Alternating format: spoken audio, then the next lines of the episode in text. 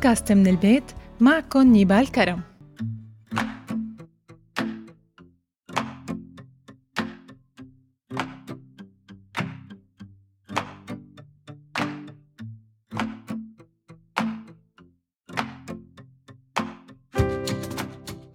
مرحبا. عم لاحظ آخر فترة إنه صار في خلط بمفهوم الإعلامي والصحفي وبين شخص آخر عم يقدم محتوى نظري بسميه إعلام. وصار في محاربة كبيرة من الأكاديميين والمختصين بالإعلام على الناس يلي مو دارسة أي مو أكاديمية والعكس صحيح. طبعا كل حدا في إله حجج. لهيك بتوقع أنه صار لازم نحكي بالموضوع من نظرة علمية بحتة ونضوي على كتير نقاط ضرورية بهي المرحلة يلي فتحت الباب لأي شخص أنه يطلع ويقدم محتوى ويدرجه تحت صنف إعلام أو صحافة. بداية حابة أقول ليس كل متعلم مثقف وليس كل مثقف متعلم. هاي النقطة كتير ضرورية مشان ما يتاخد الحكي لأي جهة ولمقصد غير صحيح. بصفتي خريجة إعلام أنا أكثر حدا شفت بعيوني الناس والطلاب يلي درست وأنواع.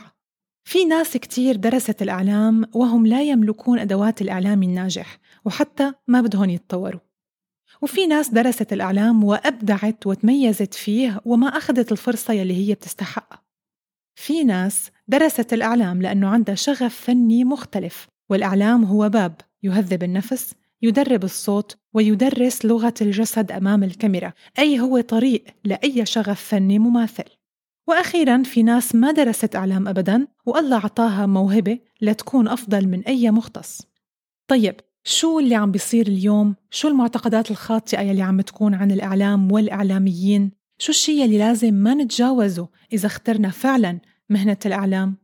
هذا موضوع حلقتنا لليوم خلونا نبدأ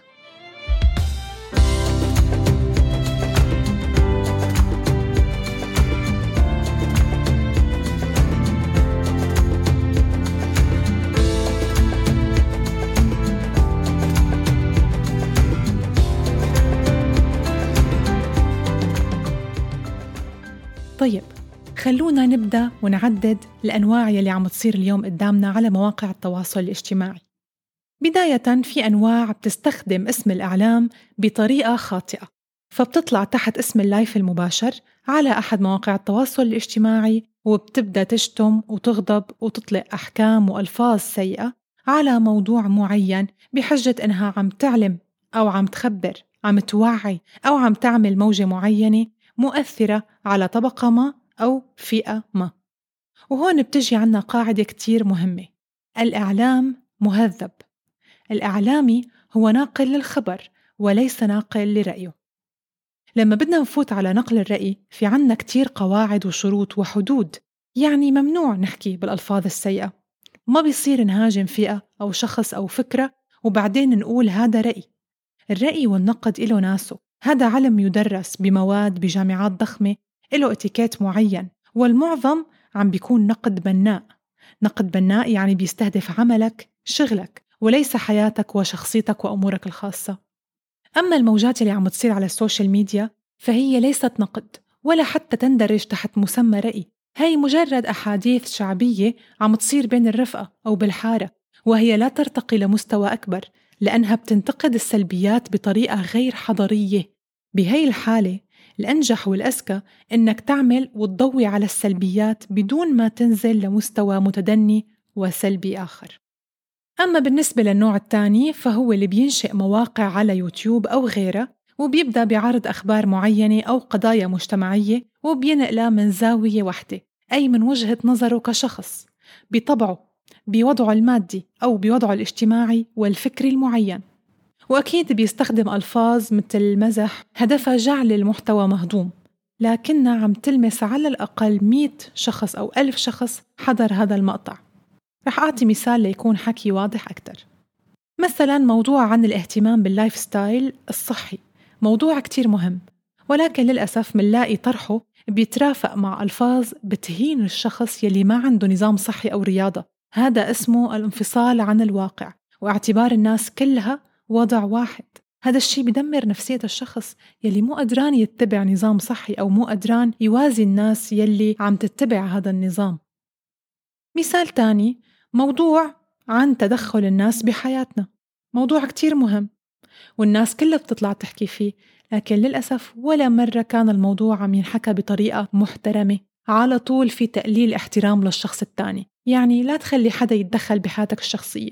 أي حدا بيسألك سؤال قل له ما دخلك. أي حدا بجاوبك قول لا. طب نحن هون منا عم ننقل طريقة عدم تدخل الناس بحياتنا. لا نحن عم ننقل شيء غير محترم.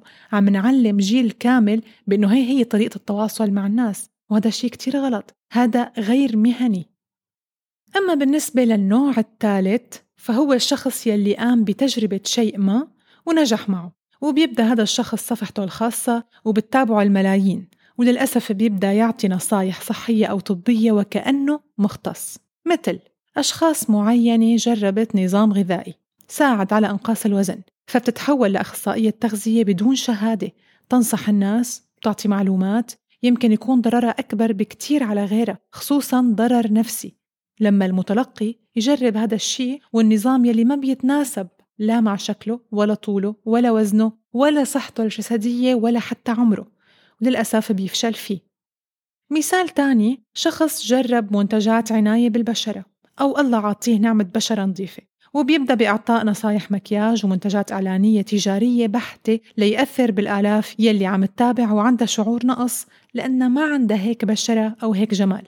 فاللي عم يتابع عم ينفق وقته ومصاري وصحته النفسية بالتجربة وللأسف أغلبها عم بيكون تجربة فاشلة. ومثال أخير الشخص يلي بيعتمد محتواه على الصور الجميلة فقط. يعني التقاط لحظات خاصة من الحياة اليومية آه، يلي عم يقدم مثلا محتوى فارغ من الفائدة فقط رؤية الجمال والشكل الجميل. وهذا محبط لكتير من الأجيال يلي اليوم فهمت بأنه النجاح عم بيكون بالتركيز فقط على الجمال الموضة اللباس المكياج. طيب والمجالات الواسعة بالدنيا وين راحت؟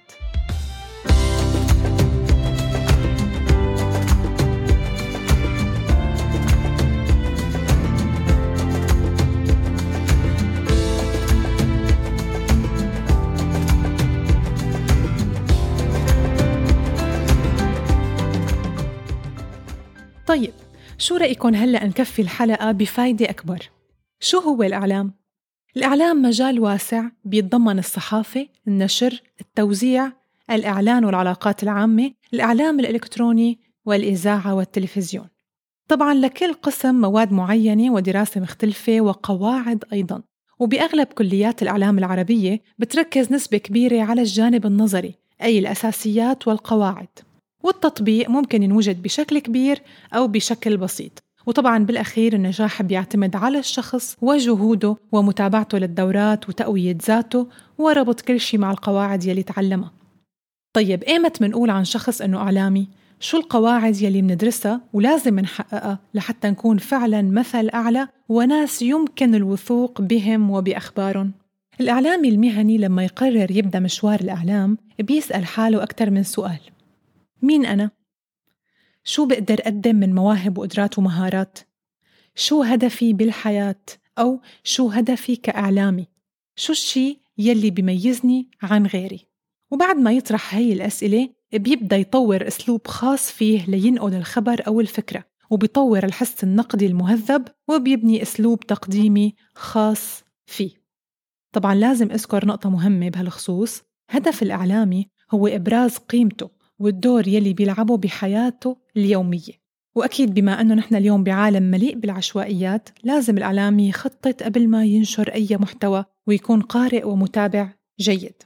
وهون بتجينا الفكرة المهمة يلي وصلنا لها شو أسرار احتراف العمل الإعلامي؟ واحد ثقف نفسك. اقرأ تابع. تابع ناس بمجالك صفحات أعمال معينة. كون على وعي كامل بكل شيء. اثنين لما تعد خبرك أو موضوعك تأكد من مصادرك. ثلاثة اختر كلامك بعناية وباحترام. أربعة درب نفسك ودون أفكارك لتكون جاهزة لحتى ما تضيع بالربط قدام الناس. خمسة لازم تفهم يلي عم تحكيه ويكون من القلب لحتى يلامس القلب. ستة تكون صبور أهم شي وتكون أنت.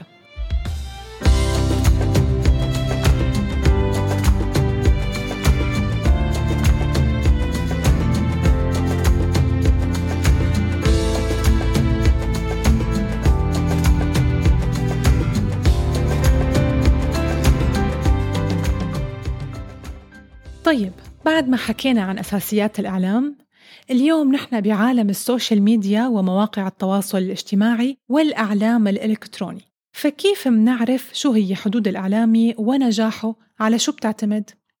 كل إنسان اليوم قادر من جهازه الخاص من موبايله يكون إعلامي بصورة بكلمة بفيديو بس هل يا ترى هذا صح؟ أكيد لا بيقول الخبراء بأنه مشاركتك على مواقع التواصل الاجتماعي لازم تكون حسب مبدأ. 20% تشارك فيها مواضيع شخصية عن نفسك و80% مواضيع تخص جمهورك ومجتمعك. فتميزك مرهون بنشر شيء مفيد. لهيك في عنا معايير لنشر المحتوى الإلكتروني. شو هي؟ واحد المحتوى. بيقول بيل جيتس مؤسس شركة مايكروسوفت المحتوى هو الملك. لازم نشتغل على النص اللي رح تقدمه للناس على السرد وطريقته وأنواعه. لازم يكون المحتوى بيعبر عن ذاتك وبيعكس اهتماماتك بدون تناقض. يعني لازم ما تختلف حياتك الواقعية عن حياتك الافتراضية. 2. المضمون. لازم تسوق لذاتك. شو عندك قدرات، إنجازات، شو بتقدر تفيد وشو بتقدر تقدم شي مهم. لا ينجح شيء إذا ما سوقت له بشكل جيد. 3.